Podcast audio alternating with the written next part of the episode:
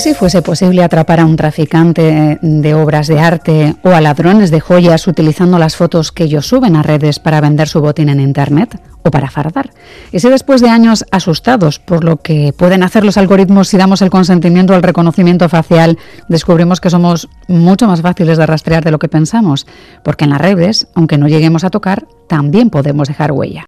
Soy Miriam Duque, la encargada de abriros esta Gambara Negra, un podcast de crónica negra en el que hacemos que ciencia, especialistas y pruebas abren más que nosotros para recomponer la actualidad y tratar de entender la mente de quienes se escoran al lado oscuro.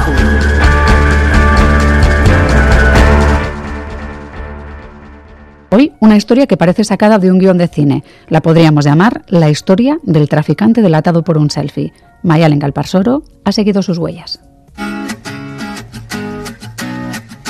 Hay las redes sociales que traicioneras pueden ser y las fotos que nos sacamos también, no porque salgamos mal fatal, sino porque pueden contar de nosotros mucho más de lo que pensamos. Hablamos de la fotografía forense, que es capaz de situar a un narco en la escena del crimen tan solo con una foto de su mano.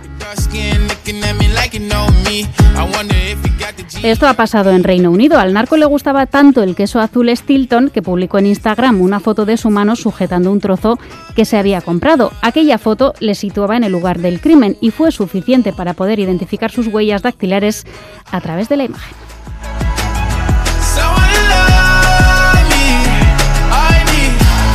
Es ciencia forense y también se ha hecho en España. Se utilizó la misma técnica para detener a un traficante de arte. El hombre fotografió su mano sujetando figuras precolombinas para venderlas después en una subasta online. Los especialistas de la tecnología de la imagen peinaron las imágenes una a una para sacar las huellas necesarias de aquellos dedos. Buscaron los puntos que identifican a cada persona y las compararon después con su base de datos. Y voilà, traficante identificado. Y es que nuestras manos pueden decir mucho de nosotros. Un anillo, una mancha, un callo puede ser clave y una foto puede ser la huella más clara. way too lonely. I'm missing out, I know. These days don't wait too long, and I'm not forgiving love away, but I want.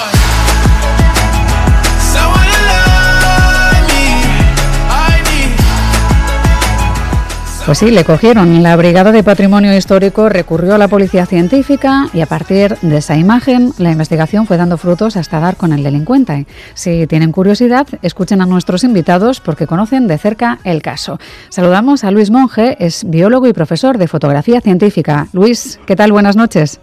Buenas noches, ¿qué tal?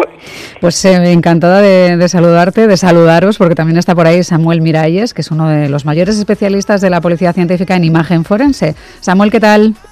Buenas noches, buenas noches Miriam, buenas noches Luis. Hola Samuel. Bueno, ya decimos eh, muchas veces que se nos va la mano con los selfies, con las fotografías que subimos a redes. Aquí entiendo, Samuel, que es algo literal, ¿no? Sí, efectivamente. La verdad es que este es un caso de 2014 en el cual, pues bueno, aplicamos la Policía Científica Española eh, aplicó una técnica en su día novedosa. Hoy en día, pues eh, ya es una técnica más habitual y sí es cierto que otros departamentos de Policía Científica en Europa vienen utilizando, pero bueno, los resultados realmente fueron muy efectivos en su día y pudimos eh, identificar sin ningún género de dudas a este traficante de armas, de perdón, de arte de figuras precolombinas. Entiendo que te ha salido armas porque en algún momento habrá pasado también, ya veremos si llegamos a sacar información sobre eso, ¿no? Eh, bueno, puedes imaginar que los casos en los cuales se aplican estas técnicas eh, son de todo tipo, ¿de acuerdo? De todo tipo. Nosotras hemos visto la foto y la verdad no hubiéramos pensado que contenía tantísima información, al menos en un primer momento. No sé si en vuestro caso, Luis, nada más verla supisteis la importancia que podía llegar a tener.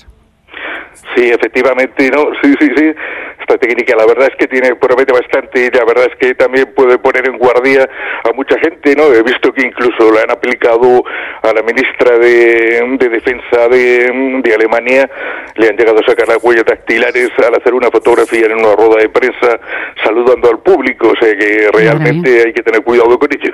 Sí, sí, vamos a tener que ir con guantes por la vida, ¿eh? Esto se está complicando mucho. Tal vez de, porque para vosotros es evidente que, esta tecnología la lleváis trabajando en tiempo, que os parece novedosa, pero no tanto como nos puede parecer aquí en el programa. ¿Cómo se activa el procedimiento forense para realizar el peinado de esa huella, Samuel? Bueno, eh, realmente a la hora de extraer información de un archivo como este, un archivo de imagen, siempre partimos de dos elementos. Uno, el archivo en sí, que en este caso nos llega a través de la Brigada de Patrimonio Histórico en este eh, delito, aunque de muchos otros, pues nosotros piensa que en Policía Científica trabajamos en colaboración con diferentes unidades de investigación, bien sea terrorismo, bien sea estupefacientes, desaparecidos, secuestros.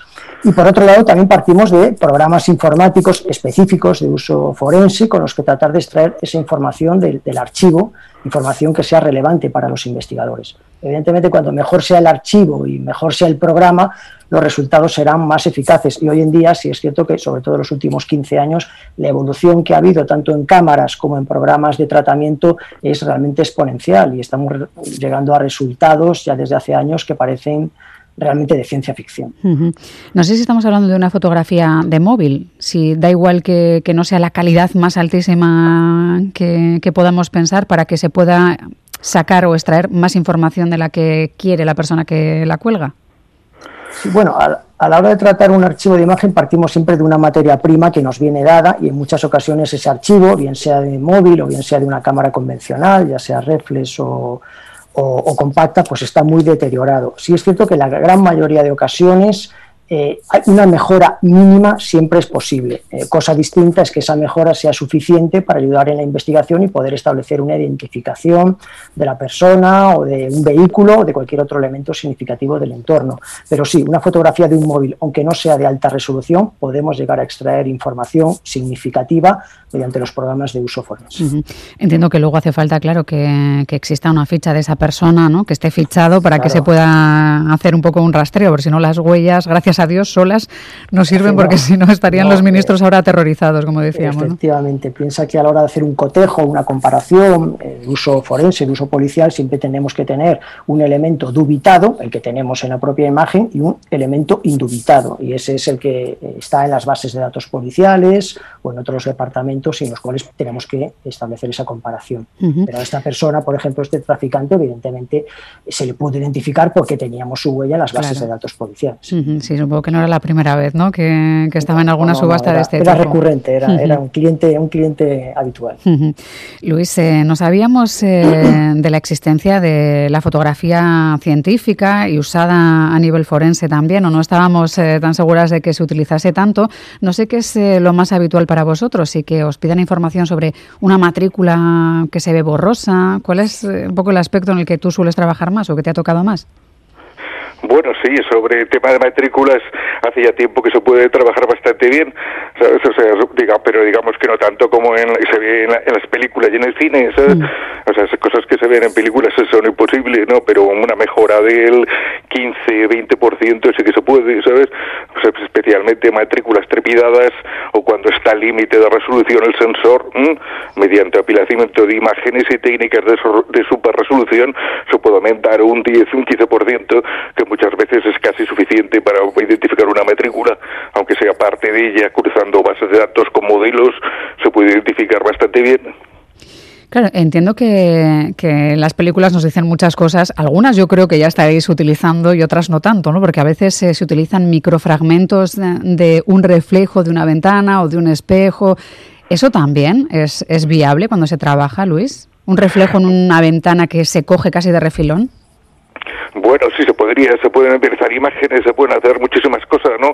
Pero, pero tanto como lo que aparece en películas, o sea, especialmente esos aumentos de la resolución, esos zooms increíbles, tened en cuenta que si eso fuese totalmente cierto, pues las cámaras no haría falta comprarse una cámara grande, una reflex, se podría hacer con un teléfono móvil de baja resolución y luego aumentarla. Desde luego que lo que no hay en la imagen no se puede obtener, pero sí que se puede mejorar sustantivamente la imagen para sacar muchísima información de Samuel, em, este proceso entiendo que, ha sido largo, que uno peina fotografías esperando encontrar ¿no? el momento en el que se ve más de lo que esperan. No sé si la clave estaba en, en esa mano, en esas huellas digitales, o habéis extraído otro tipo de información también de esos metadatos de los que nos hablan a veces.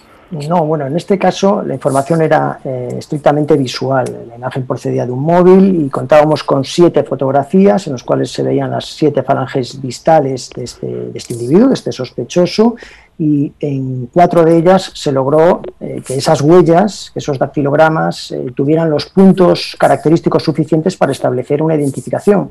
En la Policía Científica Española eh, se logra una identificación dactiloscópica siempre que haya 12 puntos característicos, es decir, que tenga 12 singularidades esa huella. En este caso se lograron 14, con lo cual, sin ningún género de duda, se pudo lograr la identificación. Pero no, se logró exclusivamente mediante la huella. Sí es cierto que se puede lograr identificación mediante matrículas o cualquier otro elemento significativo que haya en el encuadre, como una marca, de, un edificio característico, un tatuaje o una herida.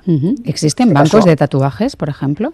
Sí, en las bases de datos policiales, evidentemente, cuando hay una reseña, eh, se aporta información biométrica del reseñado y se aportan pues, eh, que tenga pues, tatuajes, eh, heridas significativas, evidentemente antiguas, marcas de nacimiento y todo eso, evidentemente, está retro, siendo retroalimentado diariamente, ¿de acuerdo? Para lograr una identificación. No solo como sospechoso, sino si hubiera una desaparición o una víctima, identificar. Claro, en este caso se ha podido recuperar eh, esa obra, esas estatuillas precolombinas, porque entiendo que con patrimonio tenéis un cruce de, información interesante, ¿no? Que, os pedirán ayuda a menudo cuando se buscan objetos que tal vez estén en el mercado negro, ¿no? O que han sido robados, como pudo ser el Códice Calistino. Sí, bueno, nuestra colaboración eh, piensa que Policía Científica nunca trabaja de oficio, siempre trabaja a comisión de, otras hmm. unidades o incluso de la Fiscalía y, en este caso pues eh, sí, se, lograron eh, recuperar parte de las, de las figuras, evidentemente tras la detención de este, de este individuo y bueno, colaboramos muy estrechamente eh, con patrimonio y con otras unidades, como te decía, estupefacientes, desaparecidos, homicidios, etcétera, etcétera. La verdad es que en ese aspecto la imagen forense, esta novedosa disciplina, está dando unos resultados que hacen que otras unidades policiales estén diariamente echando mano de nosotros. Del códice, códice calixtino, ¿tenéis alguna información? ¿Trabajasteis en este caso, si es que se puede contar? Bueno, eh, realmente sí se trabaja, en casi todos los casos, digamos, relevantes, pues eh, hoy en día hay una, una, una imagen, eh, en los cuales se puede llegar a establecer una información eh, significativa para el investigador. Y bueno, en este caso, pues bueno, simplemente lo que se hizo fue una inspección ocular y se lograron eh, eh, localizar, en este caso, determinados vestigios lofoscópicos que pudieron ayudar a esclarecer el, hecho. Piensa que imagen forense no solo es tratar archivos, sino también participar en la inspección ocular y mediante procedimientos ópticos tratar de localizar pues, eh, vestigios que estén ocultos, como pueden ser huellas, como pueden ser manchas de sangre o de otros fluidos orgánicos o biológicos, y ello evidentemente también se puede ser útil para la investigación. Entiendo que hay pues, cámaras eh, con posibilidades termográficas o fluorescencia, que hay, mucho más de lo que pensamos cámaras multiespectrales, hiperespectrales, térmicas, y todo eso evidentemente Luis sabe mucho porque es un profesor que, como de hecho, nos ha introducido en ese campo en gran medida. Luis, ¿serías capaz de explicarnos cómo funciona una cámara hiperespectral de forma sencilla? Bueno, pues lo que se trata es de obtener información pues fuera del espectro, aparte del espectro visible, ir consiguiendo imágenes desde ultravioleta y luego diversos colores con diversos filtros hasta llegar ya también fuera del espectro visible por arriba al infrarrojo hasta el infrarrojo más lejano, ¿no? Con todas esas imágenes se pueden, desde el instante que son imágenes digitales, se pueden hacer operaciones matemáticas entre ellas para resaltar la imagen, aunque sea con falsos colores y obtener muchísima información que no es que perceptible a simple vista. Normalmente se, se obtienen huellas digitales con ese procedimiento, Luis? ¿O qué podemos llegar a obtener? muchísimo para eso, se utiliza también para, para arte, autentificación de obras de arte, para, para incluso para descubrir en pinturas rupestres que son imperceptibles a simple vista, ¿no?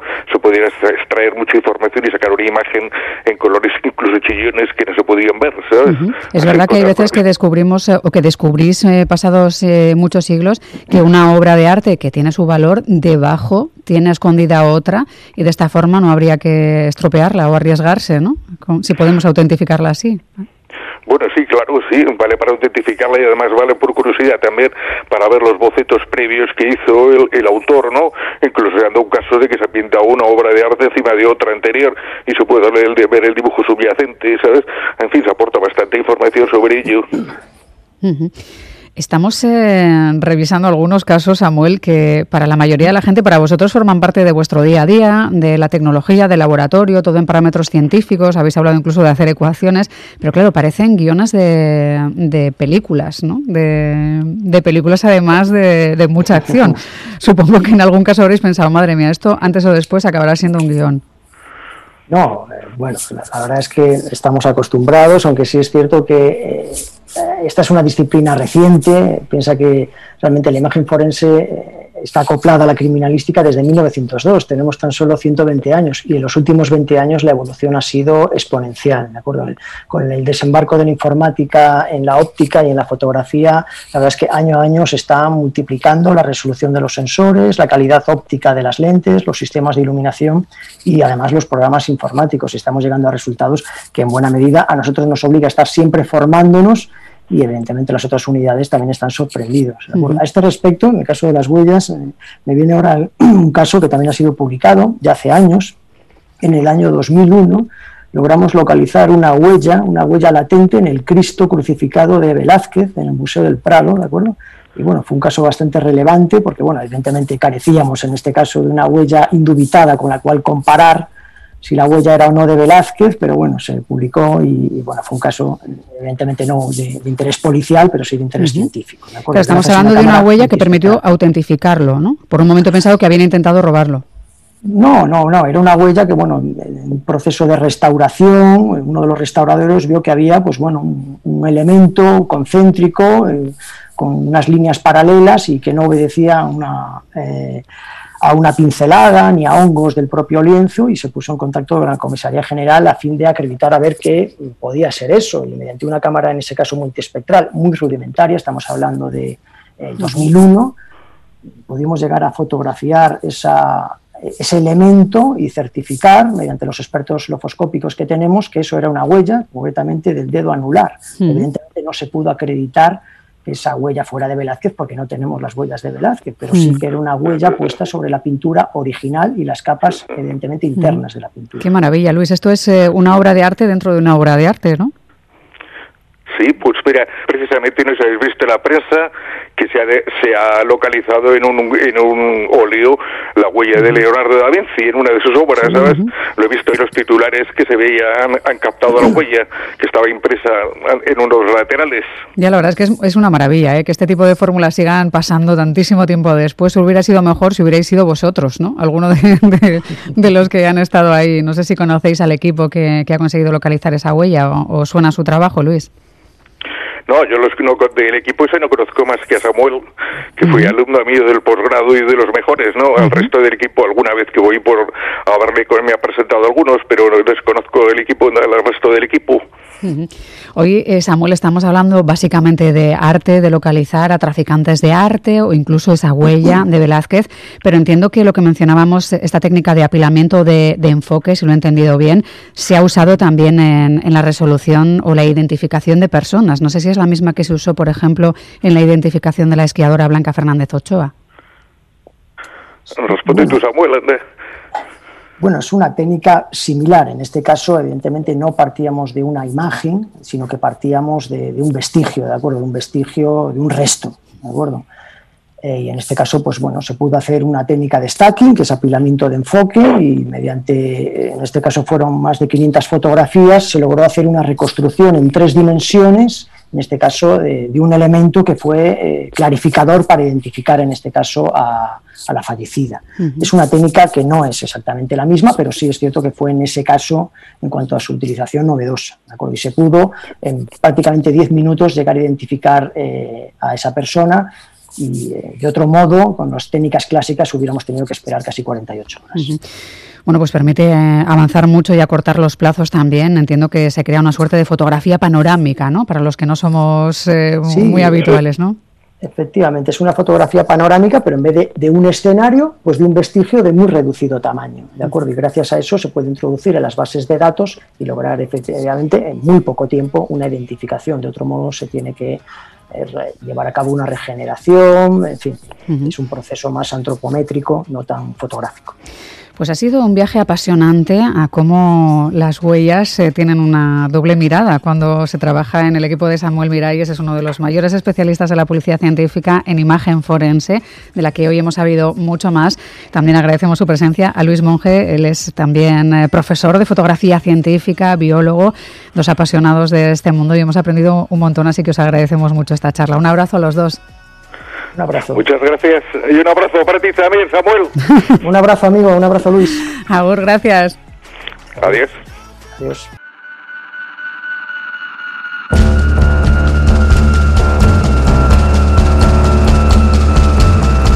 Gambara Negra, el podcast de crónica negra e investigación de EITB Podcast.